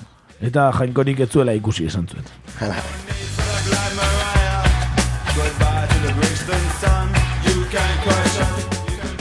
Eta ostiralean ere, baina, bueno, apiriak amabian, mila bederatzerun da larogeita bostean, e, oso oihartzun gutxi izan duen e, gauza bat gertatu zen, Madrilgo el descanso jatetxean.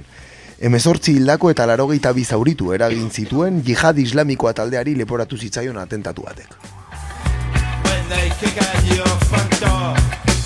Eta 2000 eta batetikan, juriren gaua ospatzen da, lehen aldiz, e, ba, lehen aldiz ospatu zuten juri garinen e, egindako oroitzeko, eh? 2000 eta batean, beraz aurten emezortzi garren juriren gaua izango da, eta ba, gaur egurreko kideak ere ospatuko dugu. Aprilaren amabian juriren gaua dudari gabe. Zalantzari gabe ostiralean, juriren gaua eta larun batean korrika. Hori da. Korrika joango gara espaziora.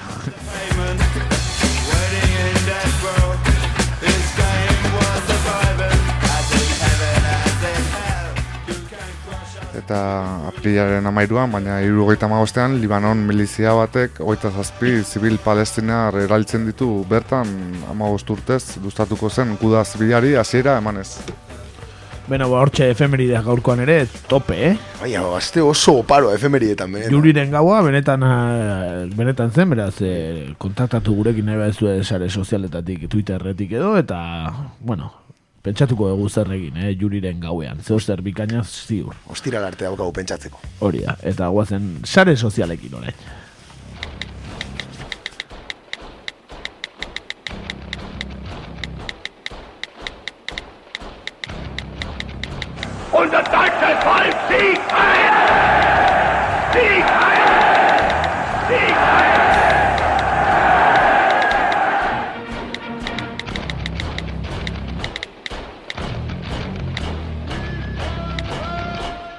Badatoz SSA. Sare sozialetan egur.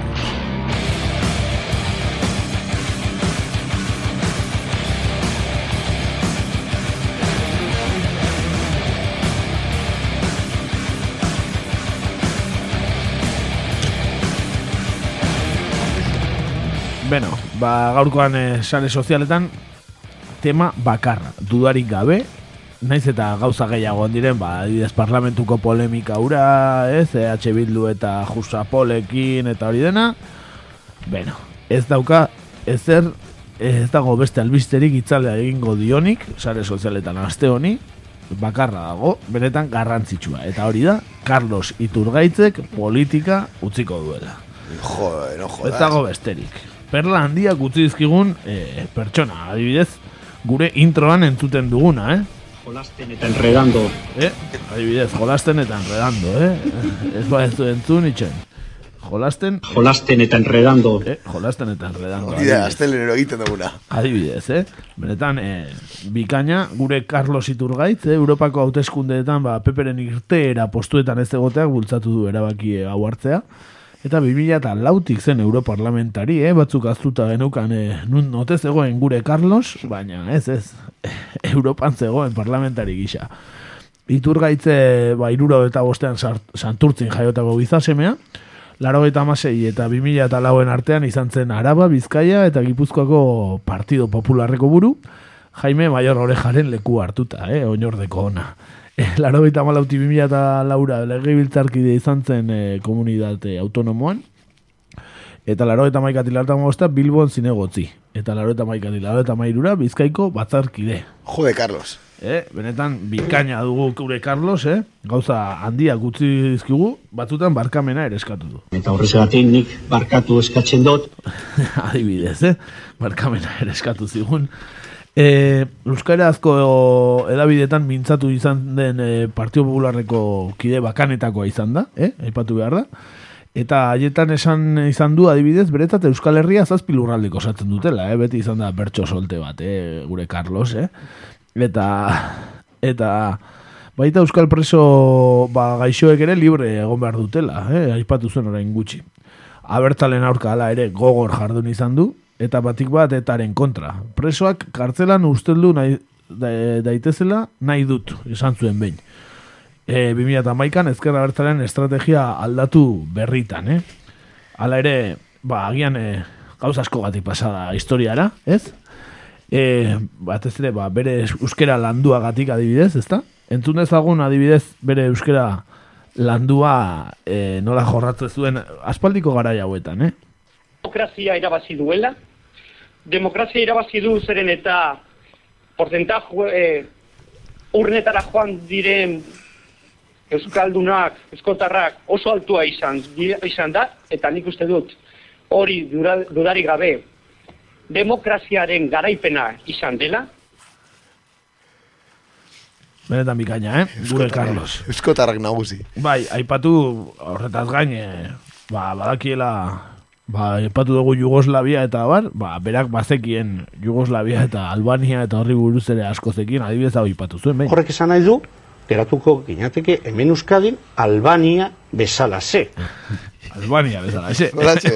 Horrelaxe geratuko gehiateke, adibidez, Carlosen arabera. Bueno, ba, noski, pentsatuko duzuen bezala, erreakzio asko, eh, sare sozialetan erreakzio asko. Esan eh, Carlos Iturgaitze berak Twitterrez abaldu zuela mezua, eh? esan zuen abandono la política y comienzo con ilusión una nueva etapa de mi vida. Marcho con orgullo de haber defendido en Europa y el País Vasco bajo las siglas de mi partido PP la unidad de España, combatiendo al nacionalismo, luchando contra el terrorismo y haber defendido a las víctimas. Rambo, tío, ¿sabes? Aipatu ziklos iturgaitz, e, tekno talde bikainak, ba Twitter kontu badu eta segituan erantzun ziola, y de haber inspirado a una gran banda de tecnopunk, eh? Todo se ha dicho. Esan zion ziklos iturgaitz handiek. Bueno, benetan eske, ba, asko jozion nazionalismoari ere, ez da, e, ba, gogor eman zion eta horrelako hitzak ere entzun genizkion. Nik uste dut, jeltzalen diskursoa estafa bat dela. Alaxe, jeltzalen eh, diskursoa estafa da, esan zuen Carlos Iturgaitzek adibidez, ezta? Benetan bikain. Eh, adibidez Tony Mejía se calación. Carlos Iturgaiz es un ejemplo más. Desde el 91, con 26 años cobrando dinero público. Su otra profesión es profesor de acordeón. Lleva 14 años en el Parlamento Europeo. Ahora que ve, ve que pierde su privilegio y se va pataleando y haciendo el digno. Esan zuen, ezta? bai, egia esan bai, bere titulu bakarra hori da, eh? akordeo irakasle. Eh? Ala ere, politikarako habilidade handia duela, aspalditik badakigu, ezta? E, hortaz ari garela, gogoratzeko izan zen ere, Maior Oreja legebiltzar, legebiltzarrera agertu ez, eta berak le, Maior Orejaren e, ordez, ba, botoia sakatu zuenekoa, ez da? E, Maior Orejaren botoia sakatu zuen bozkatzeko, ba, bozketa bestela ez zutelako irabazten, edo. eta, bueno, berak esan zuen ba, barkamena eta izan zela ba, gure introan esaten duen bezala jolasten eta enredando entzun duzu. Barako horri horietan argi eta garbi geratzen da nola izan zen inkonstiente nik eh, sakatu nuen botoia eh, nahi gabe jolasten eta jolasten eta enredando nik ez dakit nozaten den euskaraz eh, ba, botoiarekin eta kaskosekin baina eh, inkonstientelki izan zen eta Benetan bikain, eh? Jolasten eta enredando. Botoiarekin eta kaskosekin. Eh, Eta giza Alvarez, kaskoz da, no? Ze kasko izango zan, Carlosena. Eh, eh, adibidez, boligorriak, eh, alaxe zion, ez? Eh, Nola, gorka berezi hartua, ez, argiako kazetariak. Carlos Iturgaitze politika utziko du, dio titularrak. Nik erantxiko nioke, arrakastaz eta hit ahazte zinez beteriko ibilbide baten ostean. Noski baiet, eh, noski baiet. Adibidez, berak argi esaten du. A mí, os lo digo verdad, a mí me la pela lo que digan. A mí me la pela lo que digan, holaxe. holaxe, Carlos, eh? Damos fe, está, bai. Bai, bai, bai, benetan bikain.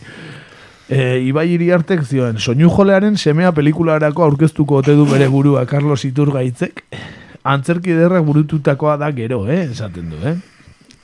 Ba, ez berak adibidez dio, e, bera dala, holaxe dio. Yo soy del Colacao Party. Del Colacao Party. Ez que Carlosek asko dazka, eh? gehiegi, gehiegi utzi dizkigu, eh? Egia esan, gehiegi. E, hartzak dio, Carlos Iturgaitz politikari, politikari, politikatik kanpo geratuko da, Pepeko zerrendetan ez egoteatik berri pozgarria benetan. Hemendik aurrera bere bizimodua zelan bideratuko du, hori da nere kezka nagusia. Atemugikorrak, adibidez, esaten du. Beno, ba, hartzari esan behar diogu, gure kezka nagusia ere hori dela. Eh? Zer egingo ote du Carlos Iturgaitzek, orain, e, behin politika utzita, eta ba, hori da Twitterren zabalduko dugun galdera, ezta? E, izan ere, zein, zein izango da etorkizunean Carlos Iturgaitz zuen ustez? Guri lau aukera otu zaizkigu, baina beti bezala beste dozen erantzun ditzakezue. Gure ustez alde batetik ez du politika utziko eta boxeko lehendakari gai izango da. Beretan, eh, teoria indartsua, eh? Izan daitekena. Bestaldetik, ikusita, eman duen maila bikaina eta bere euskera jatorra ia euskalki berri bat inventatu duen gizona izan da, ba, agian euskaltzain buru izan daiteke, eh? Eh, Izango Nor zuen, daki? izango zuen tokitxoa bai. Nik uste baiet, eh? Nik uste euskaltzain buru zuzenean, eh? Andres Urrita erekin komentatu beharko dugu, baina bai, bai. Bestetik hain maitatua izanik, eh, batez ere Bizkaian, aletikeko presidenterako ere, hautagai bikaina izan liteke, eh? Zalantzari gabe. Aletiken presidentetzaren inguruan dagoen EAJaren hegemonia usteko, eh? izan daiteke iturgaitz, aletikeko presidente. Gaina koloreak dena batzen du, ez? Bai, bai, dana batzen du, bai, bai, txuri gorriak dena batzen du. Eta bestela, agian e, niretzat eh, teoriarik e, sinesgarriena izan daitekena, Fermin Muguruzaren akordeonista berria izan daiteke. Eh? Susmatzen genuen bai. Bai, bai. Ja, korrikaren abestian ez da gertuko, baina ben, ondo, ondorengo proiektuetan, Afokoen atzean egotekoa da Carlos eta horregatik. eh, bai. benetan eh, bikain, ba, orantxe, hortxe doa, txioa orantxe bidaliko dugu, e, ba hori, eh? nola, ba zer izango te den Carlos, eh? zuek esango, zuek esango duzuen, zuleok, zer irutze zaizuen. Eta aipatu e, aurreko asteko e, inkesta, goratuko duzue, izan borrel elkarrizketako zein, elkarrizketatzeko zein ditzateken e, kazetari egokia ez da ipatu genuen, eta zeuden Eduardo Inda, Frando Losor, Xavier Lapitz eta Iñaki de Mujika. Beno, ba, Eduardo Inda inork ez du bozkatu. inork ez du maite. Eta irabazlea da, Frank Dolosor. Nola ez. Nola Frank Dolosor, nola kazetari bikaina, Gure izango litzateke. Eskerrik asko e, bozkatu duzuen entzuleoi. Eta hori xe, ba, orantxe joango da aipatutako a ber, hemen nabil salseatzen ea lortzen duten. Bai, jazta. Hortxe doa, Carlos Iturgaitze izango da, zuek esango dezu entzuleok. Benetan, e, ba, momentu bikainak eskaini dizkigun e, gizona Carlos Iturgaitz, ez da? Benetan bikain. Jolasten eta enredando. Jolasten eta enredando utzi gaitu beti. E, benetan, e, bikaina, tipoa. Ba, pena, pena handiz, eh? E, bere agurra entzu, eh? Jakinara, jakinara zigunean, ni bentsat pena handia hartu dut, eh? Unkituta, unkituta era bat, gainea era bat. Benetan, bikaina. Euskal politika gintzak politikari handi bat galtzen du, eta pertsona hobeagoa. Bai, bai, benetan bikaina. Aipatu, eh, irakurri nula, eh, bere seme alabak de ereduan eh, eskolarizatu, eskolarizatu dituela, adibidez, eh? Beti izan da harima libre bat alderdi popularrean, eh, gure Carlos, eh? Bai, bai, beti bilida berak nahi izan. du. Errebelde samarra, ez? Bai, bai. Ondo esaten zuen bezala, a mí lo que piensen los demás me la pela, ez da? Bai, bai, horrela esan zuen. A mí, os lo digo verdad, a mí me la pela. Lo que digan. A mí me la pela, hola Hola zuen. Bueno, benetan bikainka eh, betirako agurreta ore, Carlos, eh, betirako. Ea noiz betitultzen den boxeko hautagai bezala, adibidez, edo Na- ci- ciudadanoseko ere izan liteke, eh? Nor daki, gu desiatzen egia esan, ez gizki badago esate ere, ba, ba desiatzen. Ero akorde baiarekin, bestela. eh? Akordearekin, Ferminekin ere, bikain, bikain. Muruza, Carlos Kontrabanda. Horri biliko da akorde. Jolasten eta enredando. Horri biliko da, bikain. Beno, ba, hemen gaurkoak, eh, eskerrik asko entzule, esan eh, abestia jarriko egula ziklos iturgaitzena, nola ez, orduan, ez da? Eta, bueno, abestia famoso, famoso asko dauzka, adibidez, Euskadi nuklear, ez? Lemoiz funciona, Euskadi es nuclear, edo los hermanos Muguruza cantan fatal, e, bai, oso famosoa, baina ekarri dugu beste bat, las noticias de la ETA. Ekar, las noticias de ETA me la pela, gozo da. Vale. bueno, abesti bikaina, eta, bueno, aipatu ja, bozka bat baukagula, eta Fermin Muguruzaren akordeonista izango dela, eskerrik asko entzule. Eta, ba horixe, abesti hau entzunez agurtuko gara, eta ez gera bueltatuko hiru aste barru, arte, ezta?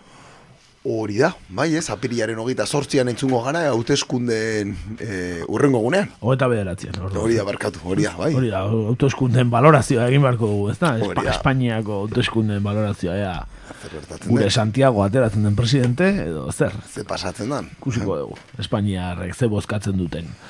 Edo zer bozkatzen dugun, zue jakingo dezue. eta horixe, agur bero bat, eta ondo pasa arte santutako oporrak. Gaizto gizan eta laster arte. Las noticias de ETA. Ondo izan.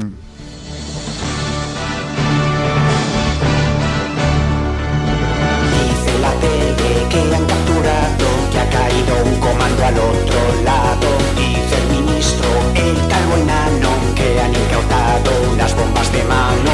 Dice la prensa que investigando tenían un portátil y una tía al mando, que han encontrado una unos vídeos guarros, pero ¿de qué van? Las noticias de ETA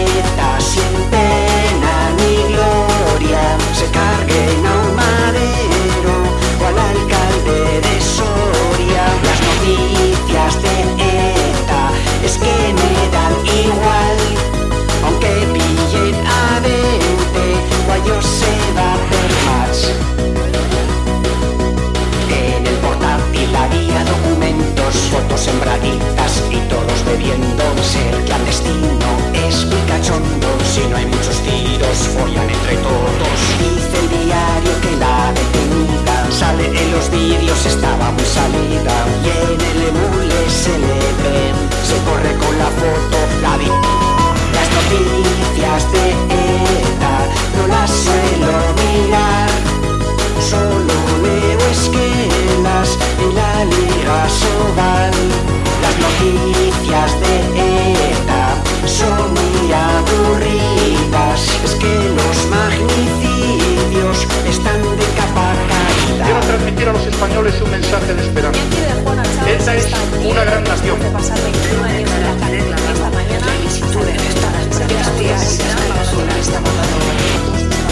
Las noticias de ETA me daban igual a la venganza, buscando más.